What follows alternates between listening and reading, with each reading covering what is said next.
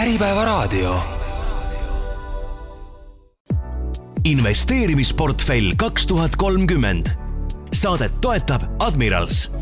tähelepanu finantsinstrumentidega kauplemine on kõrge riskitasemega ja ei sobi kõigile investoritele. enne investeerimisotsuste tegemist tutvuge finantsteenuse tingimustega admiralmarkets.com. veenduge, et olete riskidest aru saanud ning vajadusel konsulteerige asjatundjaga. tere, head Äripäeva raadio kuulajad. Algas saade Investeerimisportfell kaks tuhat kolmkümmend. mina olen saatejuht Jaan-Martin Raik ning äh, täna olen stuudiosse kutsunud investori ja kaupleja Nele Gerbersoni tere ka minu poolt! saates siis äh, räägime, kuidas kauplemisega ikkagi nullist alustada ja, ja kuidas siis nii-öelda olla edukas selles. alustame siis täiesti algusest, et ähm, kui kaua sa oled äh, investeerimise ja siis ka kauplemisega tegelenud? minu äh, tee siis algas tegelikult kõigepealt investeerimisega ja see on olnud selline üsna, üsna, üsna pikk ja keeruline või selline käänuline tee et ma mäletan, et see võis olla kuskil niimoodi kaks tuhat viisteist, kui ma sattusin äh, ühele LHV konverentsile, see oli veel see aeg, kus äh, õigemini see oli siis LHV seminar, et see oli see aeg, kui nad tegid investeerimisseminare veel Tallinnas pankades, et ma mäletan, et meeletult suur ruum oli, kus oli hästi palju inimesi ja siis need LHV noormehed ülikondades ja lipsudes rääkisid meile väga veenvalt, et kuidas võiks aktsiaid osta et tookord ma tulin sealt ära, ma mõtlesin, et no täitsa lõpp, et see on ikka täiesti hobuseunenägu, et äh, ma seda asja ei hakka küll kunagi tegema. aga siis läks äh, mitu aastat mööda ja kaks tuhat üheksateist juhtus niimoodi, et ma olin ära müünud ühe korteri ja siis mul jäi pangakontole mingisugune selline summa seisma, et ma mõtlesin, et kui ma nüüd selle niisama ära raiskan, et oleks jube kahju, et peaks sellega midagi mõistlikumat tegema. Ja siis ma hakkasin uuesti omal käel uurima aktsiate kohta, et lugesin LHV portaali, lugesin, mis investor Toomas teeb ja siis püüdsin nagu välja mõelda, et mida ma siis Balti börsilt võiksin osta. nii et äh, paar kuud ma siis tegin sellist äh, kodutööd ja lugemist ja uurimist ja katsetasin ka LHV-s virtuaalkontot, et ikka saada see tunnetus kätte, et mis tunne on, et kui ma siin nüüd mingisuguse orderi üles panen. ja siis äh, kaks tuhat kakskümmend oli sõbrapäev, oli siis see päev, kus ma endale sõbrapäevaks ostsin esimesed Coopi aktsiad kingituseks aga noh, ütleme nii, et algaja õnne mul ei olnud, et me kõik mäletame, mis märtsis sai, on ju, maailm läks lukku, börsid kukkusid meeletult. Ja ma mäletan, et mul ei olnud nagu sellist äh, mingit paanikat või sellist kahetsust, et issand küll, et nüüd mu raha sinna läkski. et ma kuidagi vaatasin seda sedasi, kehitasin õlgu ja mõtlesin, et noh, mis seal siis ikka, on ju, et äh, tegelikult ju ettevõtetel midagi halvasti ei läinud, pigem tuli üks väike vastik viirus, lõpetas peo ära, on ju, ja siis ma olingi kuidagi niimoodi, et ega ma pool aastat hoidsin nagu kõrvale, et mul ei olnud mingit sellist entusiasmi, aga mul ei olnud ka nagu mingit kahetsust. ja siis võib-olla kakskümmend üks aasta algus oli see, kui ma vaatasin, et oi, mul on portfell päris ilusti nagu roheliseks läinud, et äkki peaksin nüüd natukene rohkem uurima hakkama. et äh, võiks ju tegelikult äh, olla tore, kui see portfell jääkski niimoodi kasvama kuna mul endal ei olnud äh, tutvusringkonnas üldse inimesi, kes oleks investeerimisega tegelenud, siis jäi mulle Facebookis naisinvestorite grupist äh, jäi siis ül-, silma üks äh, üleskutse, kus otsiti äh, kaasinvestoreid, kellega siis hakata nagu arutama või sellist nagu mastermind gruppi teha. ja siis ma liitusingi selle grupiga ja selles mõttes see oli, ma arvan, et mul investeerimisel üks selliseid paremaid otsuseid, mida teha, sest me kõik olime algajad me väga palju ei teadnud investeerimisest midagi ja see nagu hästi palju aitas ennast ka edasi, et me kõik uurisime siis mingi valdkonna kohta, jagasime oma teadmisi, aru, arutasime nendel teemadel. ja, ja sealt tuli nagu hästi palju sellist äh, tarkust juurde.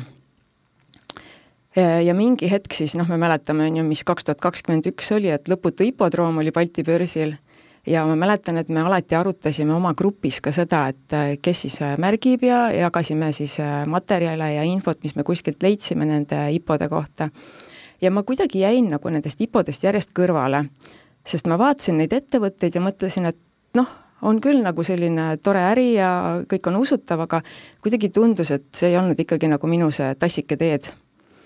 ja mingi hetk ma sain aru, et okei okay,, ma jään kõrvale, aga tegelikult esimesel kauplemispäeval on ju need aktsiad tegid päris ilusaid tõuse ja ja siis ma hakkasin mõtlema, et aga ma võin ju märkida, sest jube vähe oli siis see kogus, mis tihtipeale kätte sai, on ju, ja et märgingi ja siis esimesel päeval võiks nagu maha müüa kasumiga. ja ma arvan, et minu jaoks see oligi nüüd selline, selline esimene nagu tunne või mõte, et, et tegelikult nagu kauplemine võiks ka täitsa äge olla aga selle hipodroomiga siis äh, kas jäid nii-öelda kotti ka hoidma või said ikkagi igalt poolt äh, võidu kätte? no nii palju, kui ma märkimistel osalesin, siis jah, ma sain äh, igalt poolt selle võidu kätte esimesel päeval.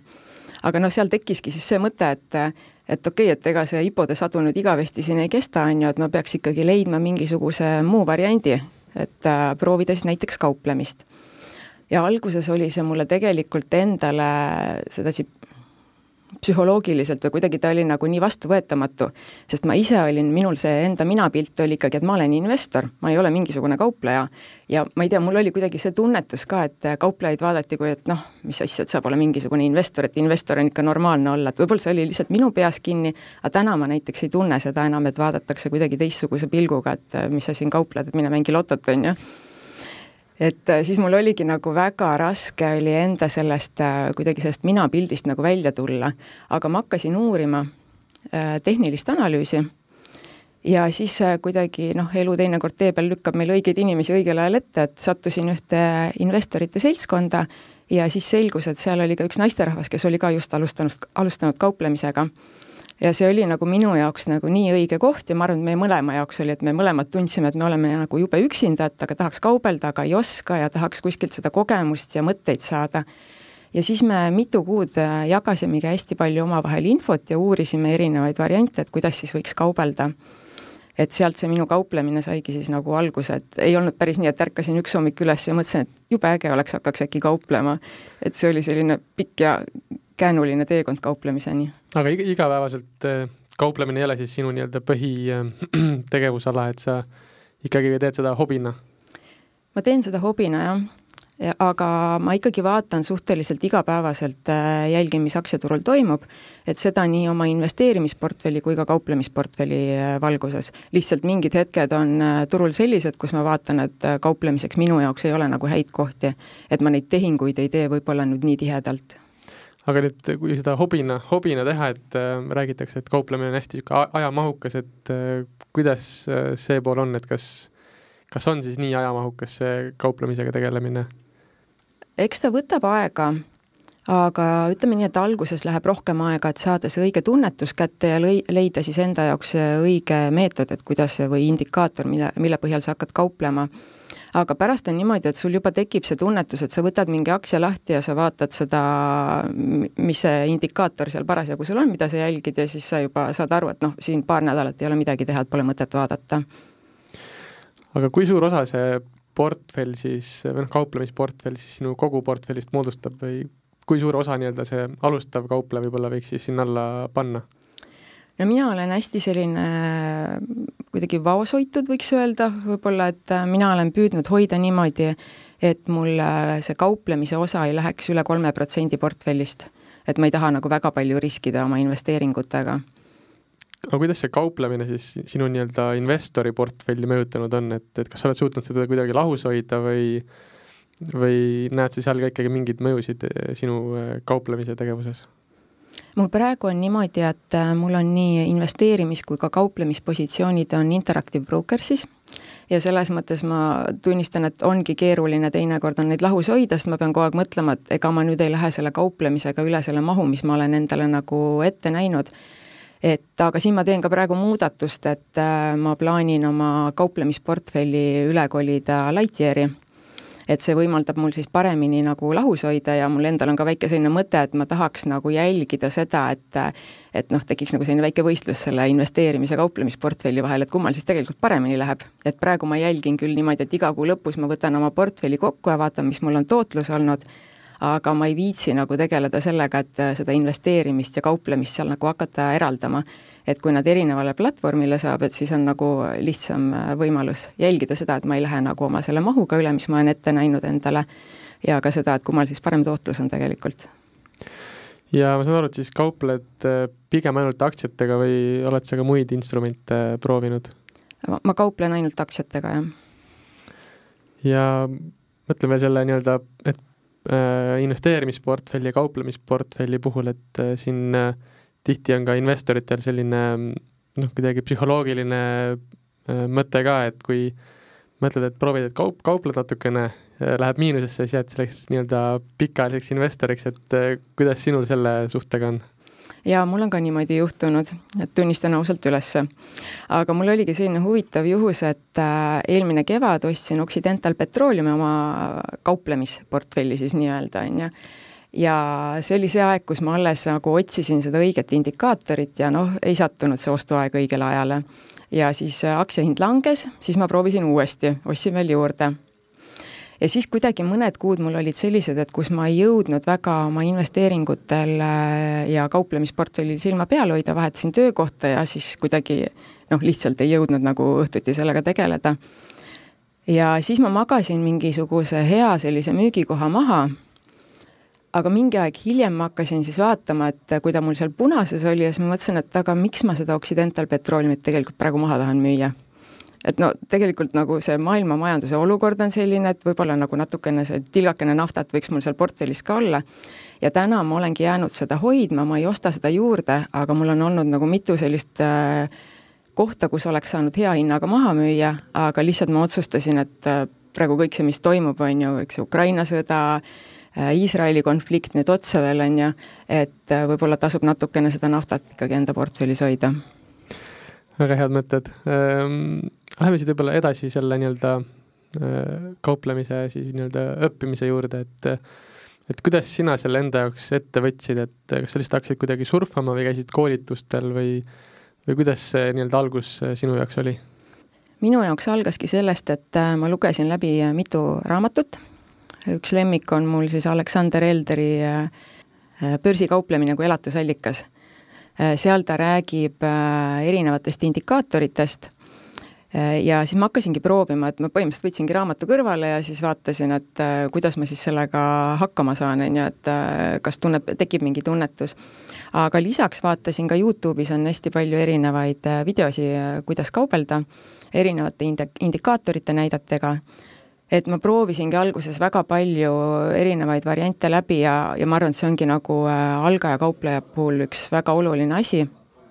et võib-olla ei tasu nagu jälgida seda, mida teised teevad, et sealt võib saada küll mõtteid, aga kui noh, mina ütlen näiteks, et ma RSI põhjal kauplen, see ei tähenda seda, et noh, kindlasti peaksid teised ka selle põhjal kauplema, on ju. et pigem ongi see, et tuleb leida see indikaator endale, et mis nagu ennast kõnetab ja mis tundub loogiline. et noh, mina vaatasin ka algul neid sangata tasse ja sangaga tasse ja kängurusabasi ja siis ma tundsin, et noh, see ei kõneta mind absoluutselt, et ma ei suuda selle järgi midagi jälgida või mingisuguseid otsuseid teha. soovitad siis ikkagi läbi proovida need erinevad äh, variandid äh, siis äh, demokontoga ja, ja tunnetada, et kuidas see, kuidas see tema jaoks nagu töötab? jaa, ma arvan, et see on kõige mõistlikum, et võttagi mingisugune indikaator ette ja proovida, et kas see sobib üldse et noh, mina ei, minul ei olnud mingit demokontot, aga ma tegingi väga väikeste äh, summadega tehinguid, et katsetasin selle pealt, no läkski mõnikord niimoodi, et äh, mitu kuud oli mul siis positsioon on ju punane, aga kuna ma olen svingkaupleja,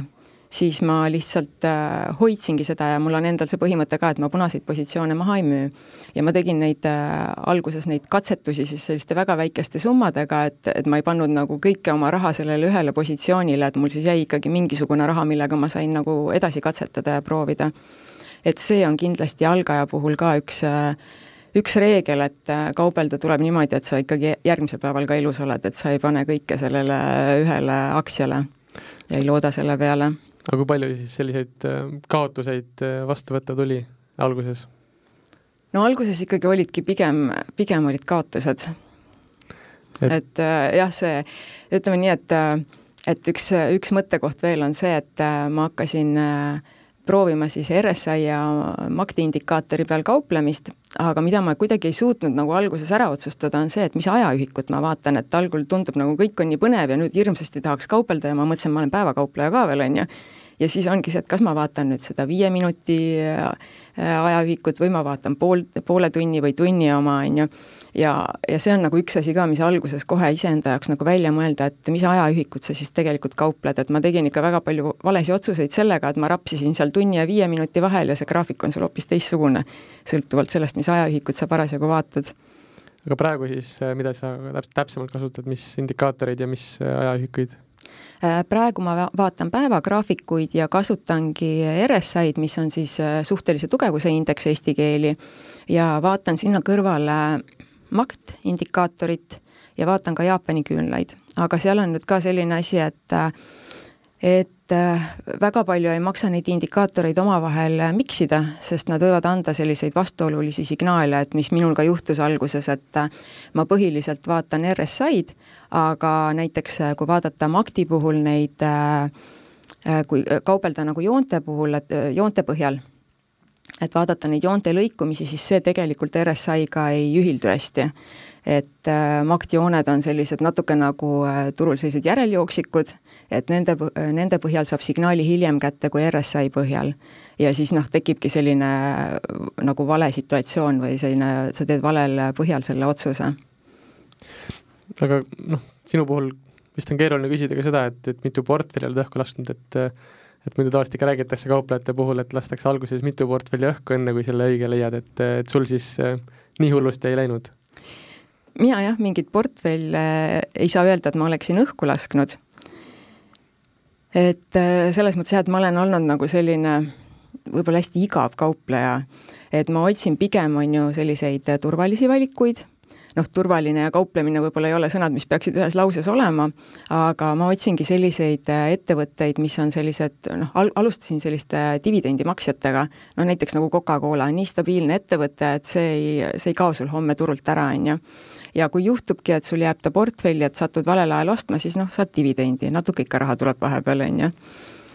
aga mul on olnud loomulikult selliseid äh, positsioone ka, mis on olnud pikalt punases ja nagu ma ennem ütlesin, et mul on see põhimõte, et ma punaseid positsioone ära ei müü, et ma pigem siis hoian neid ja ma arvan, et maksimaalselt oligi mul neli kuud on kõige pikem aeg, mis ma Robloxit siin üks aeg hoidsin, aga pärast sai väga ilusa kasumiga maha müüdud.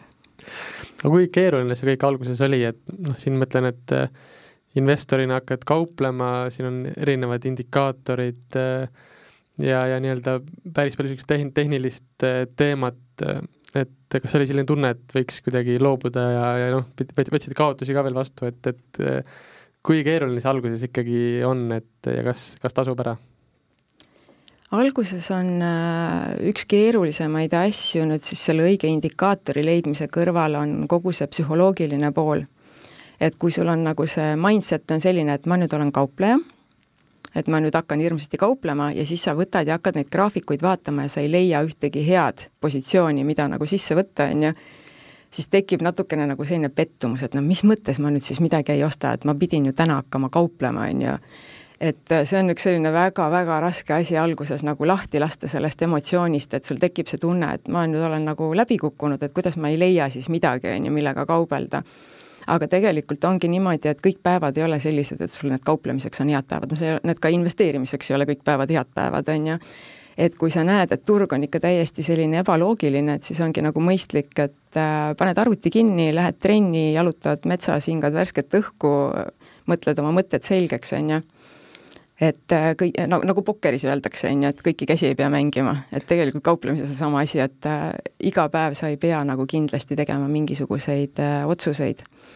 aga ma ise tunnen seda, et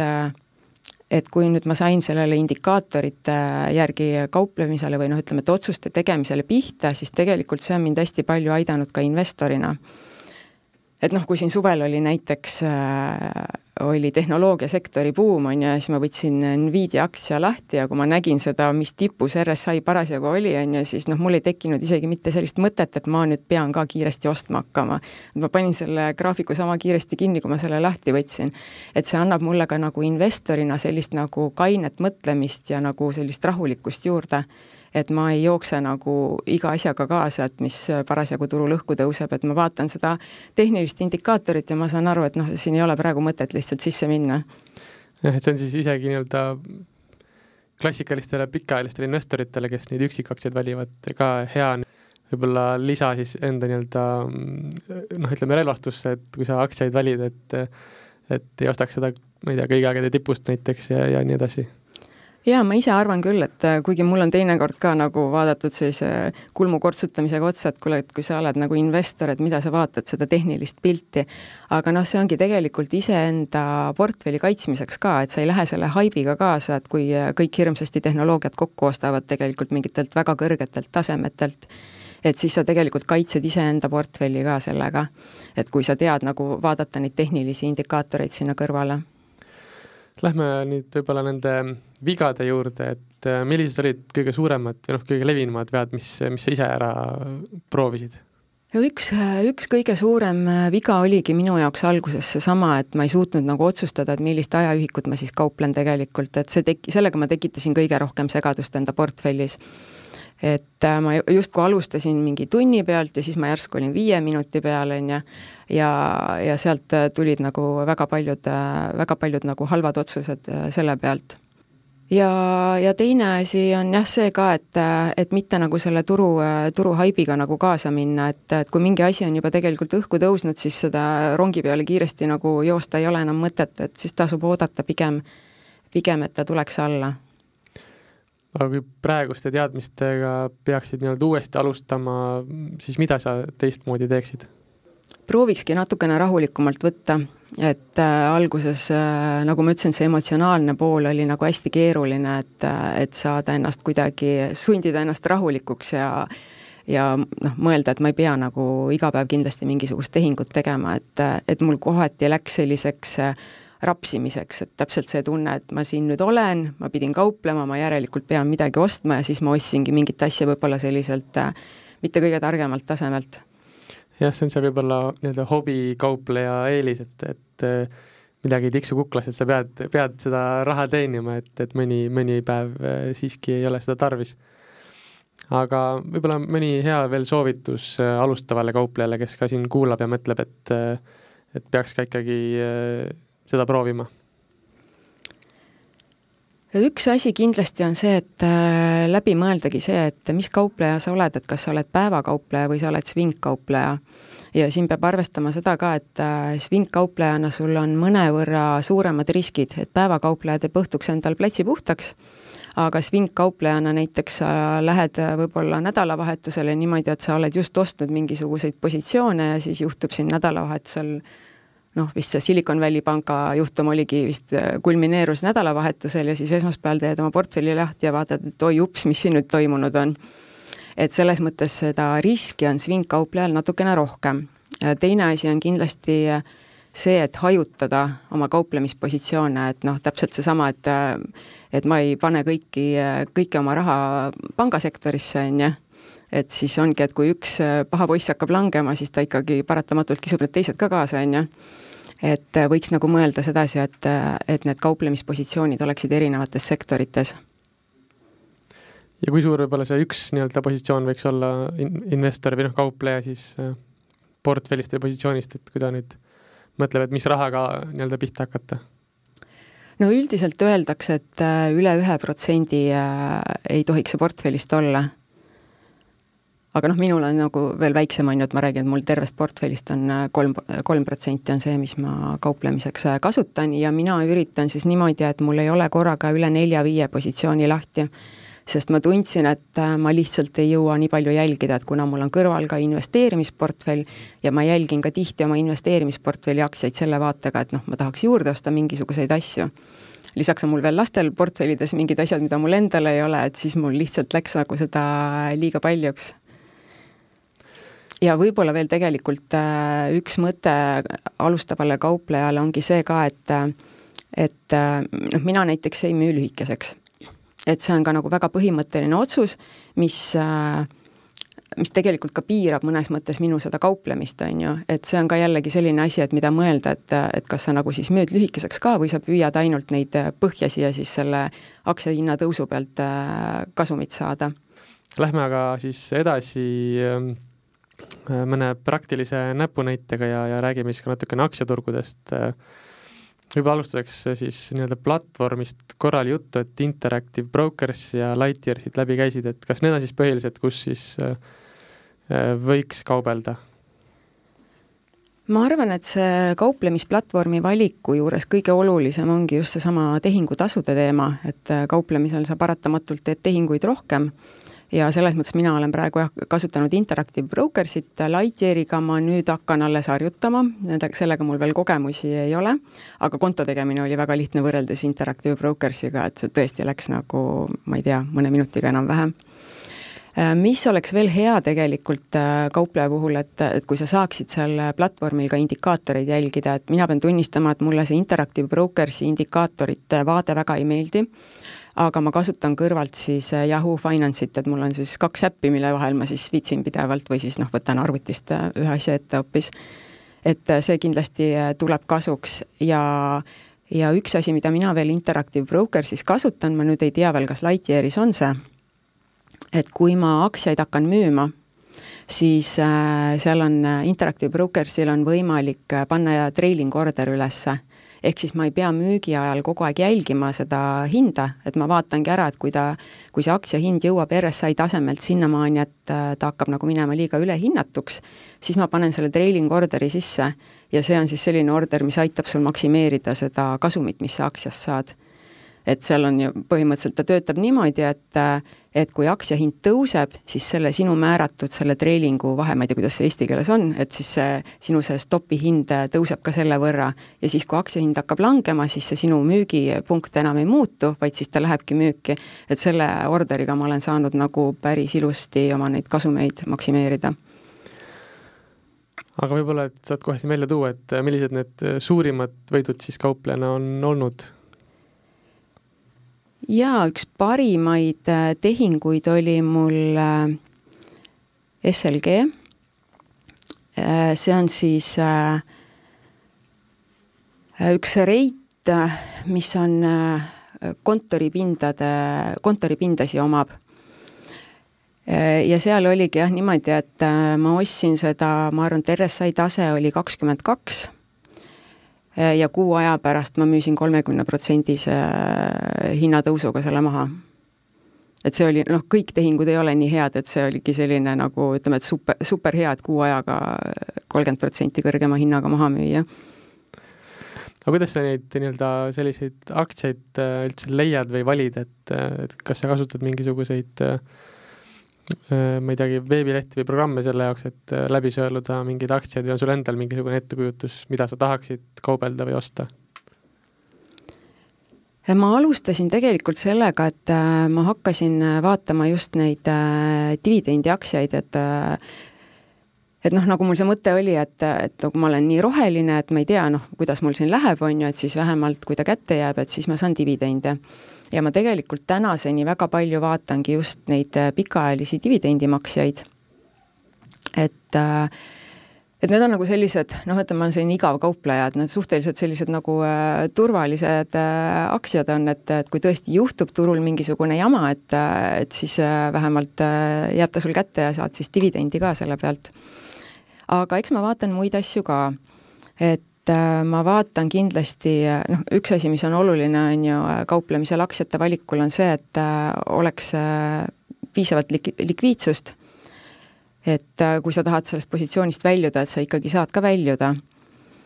ja, ja teine asi, mida võib veel vaadata ja mida ma vahepeal vaatan ka, on see, on aktsiate beeta-kordaja et üldiselt on niimoodi, et paljud kauplejad alla ühe beeta-kordajaga aktsiaid üldse ei kauplegi noh, minul teinekord juhtub, et näiteks Coca-Cola on üks mul selliseid lemmikkauplemispositsioone ja, ja Coca-Cola beeta-kordaja on null koma kuus. ehk siis tegelikult ei ole nagu väga volatiilne, aga ikkagi äh, mulle ta on nagu meeldinud siiamaani. aga kui palju sa sinna juurde vaatad nii-öelda sellist äh, makrovaadet ja mida keskpangad teevad või, või sellist äh, ettevõtte enda fundamentaale? pigem ma vaatangi sellist äh, majanduskeskkonna vaadet ja püüan nagu mõelda selle pilguga, et, äh, et aga kui nüüd see, see aktsia jääbki mulle võib-olla mitmeks äh, kuuks portfelli, et kas siis majanduskeskkonnas on midagi sellist, mis võiks kuidagi minu selle positsiooni nagu ohtu seada ja, ja teine asi, mis ma vaatan, on ka ettevõtte potentsiaali püüan nagu mõelda, et mis, mis turul praegu toimub, kuidas sellel ettevõttel minna võiks, et et äh, seda, seda ma nagu püüan ka nagu oma peas siis nagu läbi mängida või läbi mõelda, et, et kas täna on see õige olukord selle aktsia ostmiseks, et noh, svingkauplemise puhul sa pead, on ju, arvestama sellega, et sa ei saa sellest aktsiast kohe samal päeval lahti, et võib-olla ta on sul seal mitu kuud portfellis. aga millist äh, tootlust üks alustav kaupleja võiks äh, mõistlikuks pidada või, või milline on sinu enda tootlusootus kauplemisel? ma arvan, et alguses nagu seda tootlusootust võib-olla nii väga ei, ei maksakski, maksakski mõelda, et pigem on see, et äh, alguses on oluline ellu jääda, selgeks õppida ja aru saada, mis sa teed seal äh, kauplemisel tegelikult, et äh, et siis võiks mõelda tootluse peale, aga ma ausalt öeldes ma endale ei olegi pannud mingisugust sellist sihtmärki või kuidagi mingisugust piiri paika, et mis see tootlus võiks olla. aga minu mõte nüüd on küll jah see, et et miks ma need äh, kauplemise investeerimisportfellid olen praegu siin äh, lahku löömas, et äh, kui ma ikkagi sellisele SB viiesaja keskmisele aasta tootlusele oma kauplemisega jään alla, siis noh, tegelikult ei ole võib-olla väga mõtet kaubelda. aga kauplemise poolt, poolelt just sellist nii-öelda palgatööd enda jaoks ei näe, et sa tulevikus võib-olla ainult sellega tegeleksidki? Ma ainult kauplemisele ei panustaks, et äh, pigem nagu äh, kui palgatööst loobuda, et siis võikski olla see, et äh, investeerimisportfell toodab piisavalt passiivset tulu ja kauplemisega võib-olla saab natukene ka juurde teenida. väga hea, aga lähme siis võib-olla edasi siis nii-öelda täpsemalt aktsiaturgude juurde ja, ja ka sinu enda portfelli juurde, et et mis sinu enda portfellis täna üldse on või mis aktsiaid sa täna vaatad? Äh, täna nüüd, kui ma räägin investeerimisportfellist, äh, siis on mul seal, äh, on Balti börsilt on pankasid, Enefit Green on seal. Ja praegu, mida ma USA börsilt olen juurde ostnud viimasel ajal ja vaatan, on siis, on need reidid. Ehk siis börsil kaubeldavad fondid. et hetkel on olnud siin häid ostukohti ja olen neid oma portfelli juurde soetanud kauplemise mõttes äh, päris palju viimasel ajal olen vaadanud tehnoloogiasektorit. Äh, ja siis, äh, siis ma otsin ka selliseid nagu stabiilsemaid ettevõtteid, noh nagu ma ennem juba ütlesin, et Coca-Cola just eelmine nädal oli hea ostukoht, ostsin juurde, siis näiteks äh, McDonalds on praegu sellises noh, kõvasti, kõvasti kaalu kaotanud, et päris heas äh, ostukohas on praegu, et äh, seda jälgin. ja noh, eks seal on veel mõningaid selliseid äh, reitide sektorist tegelikult võib-olla võiks välja tuua seesama SLG, pika nimega on ta siis SL Green Realty Corporation, et et äh, see oli ka nüüd üks selline aktsia, millega ma alguses kauplesin, aga kevadel mingi hetk ta oli nii heal äh, hinnatasemel, et siis ma vaatasin, et dividendimäär on kaksteist protsenti, kui ma nüüd ostan, et et siis seda ma ostsin endale investeerimisportfelli. aga praegu äh, vaatan, et ootan ka, et ta tuleks jälle natukene tasemelt alla, et tahaks investeerimisportfelli juurde osta, aga kauplemise mõttes oli see minu portfellis ka üks paremaid aktsiaid aga nüüd, kui laiemalt praegu vaadata nii-öelda indeksitele peale, et, et mis trend seal paistab, et et kas on näha mingit sellist kindlat suunda või pigem nii-öelda tasub olla niisugune ettevaatlik hetkel investoril või, või ka kauplejal? noh, praegu meil on selline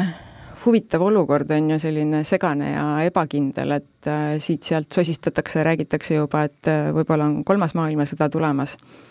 et äh, ma nagu pigem nagu püüangi vaadata seda maailma majanduses, mis toimub ja mõelda selle pealt, et et mis otsuseid praeguses olukorras äh, oleks mõistlik teha, aga noh, see on nagu väga-väga keeruline, kui me mõtleme seda, et meil on äh, lisaks äh, lisaks kõrgetele intressimääradele on meil siin selles maailma majanduse võrra-, võrrandis neid tundmatuid muutujaid praegu nagu väga palju tekkinud, et Ukraina sõja kõrval veel nüüd ka Iisraeli konflikt, on ju, ja sealt nüüd mingit sellist, kõige selle taustal mingit sellist väga-väga ilusat ennustada, tundub, et see nõuab nagu väga palju sellist äh, väga korralikku optimismi üledoosi.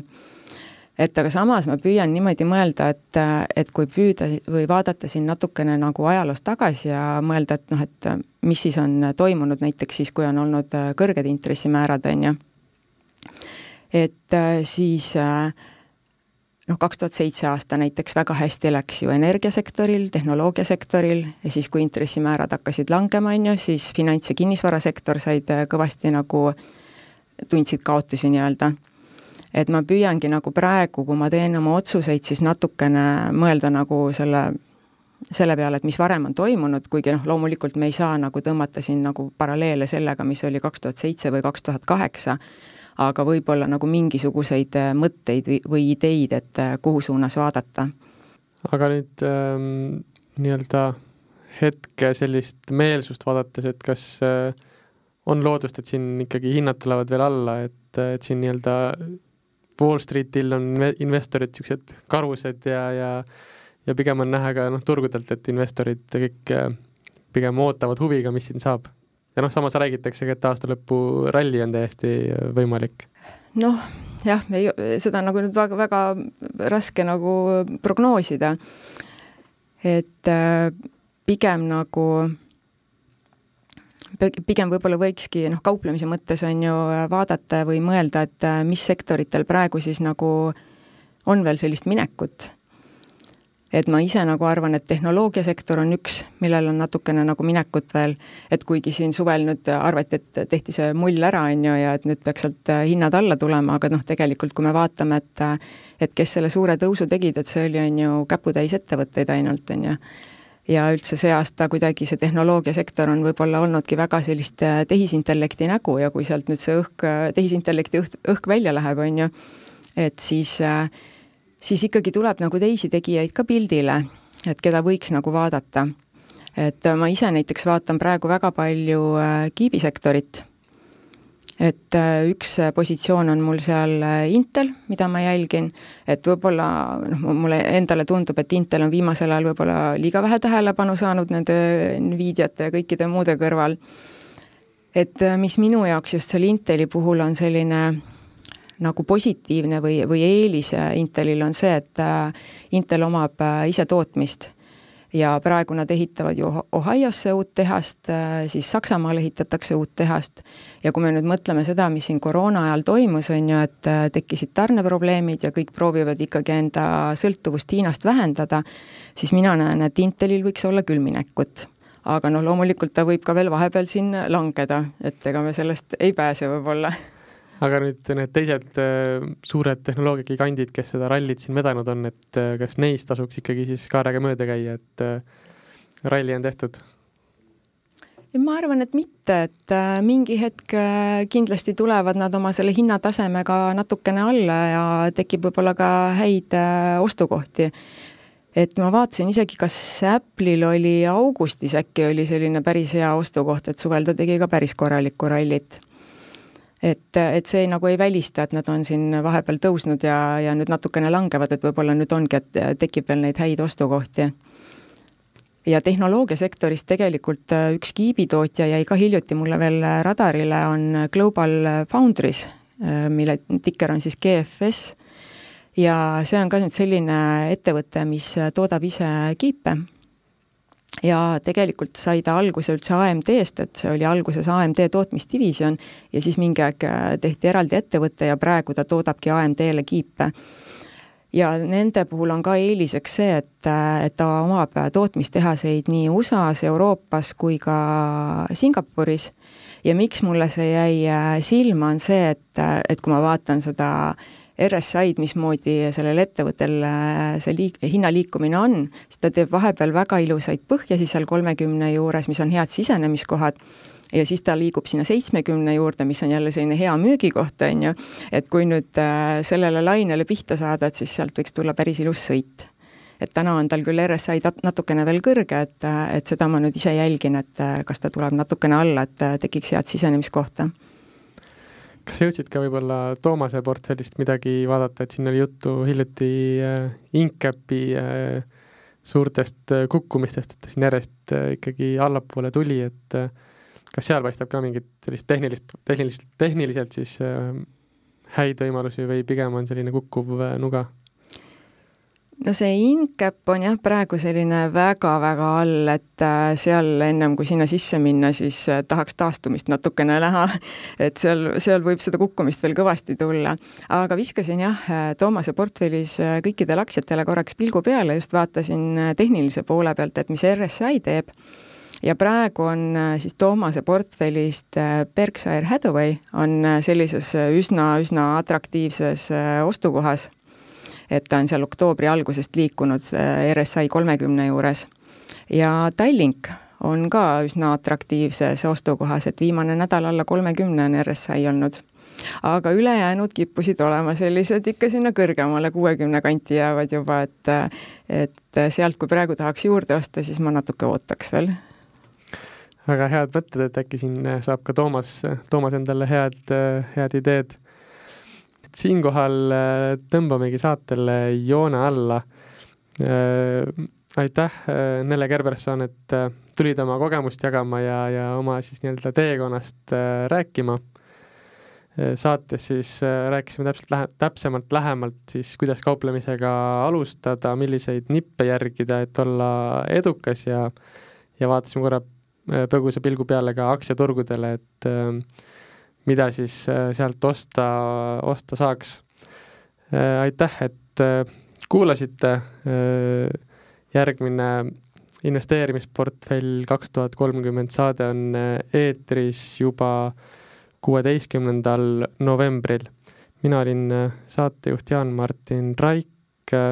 ja kuulmiseni. investeerimisportfell kaks tuhat kolmkümmend. saadet toetab Admirals. tähelepanu finantsinstrumentidega kauplemine on kõrge riskitasemega ja ei sobi kõigile investoritele. enne investeerimisotsuste tegemist tutvuge finantsteenuse tingimustega admiralmarkets.com. veenduge, et olete riskidest aru saanud ning vajadusel konsulteerige asjatundjaga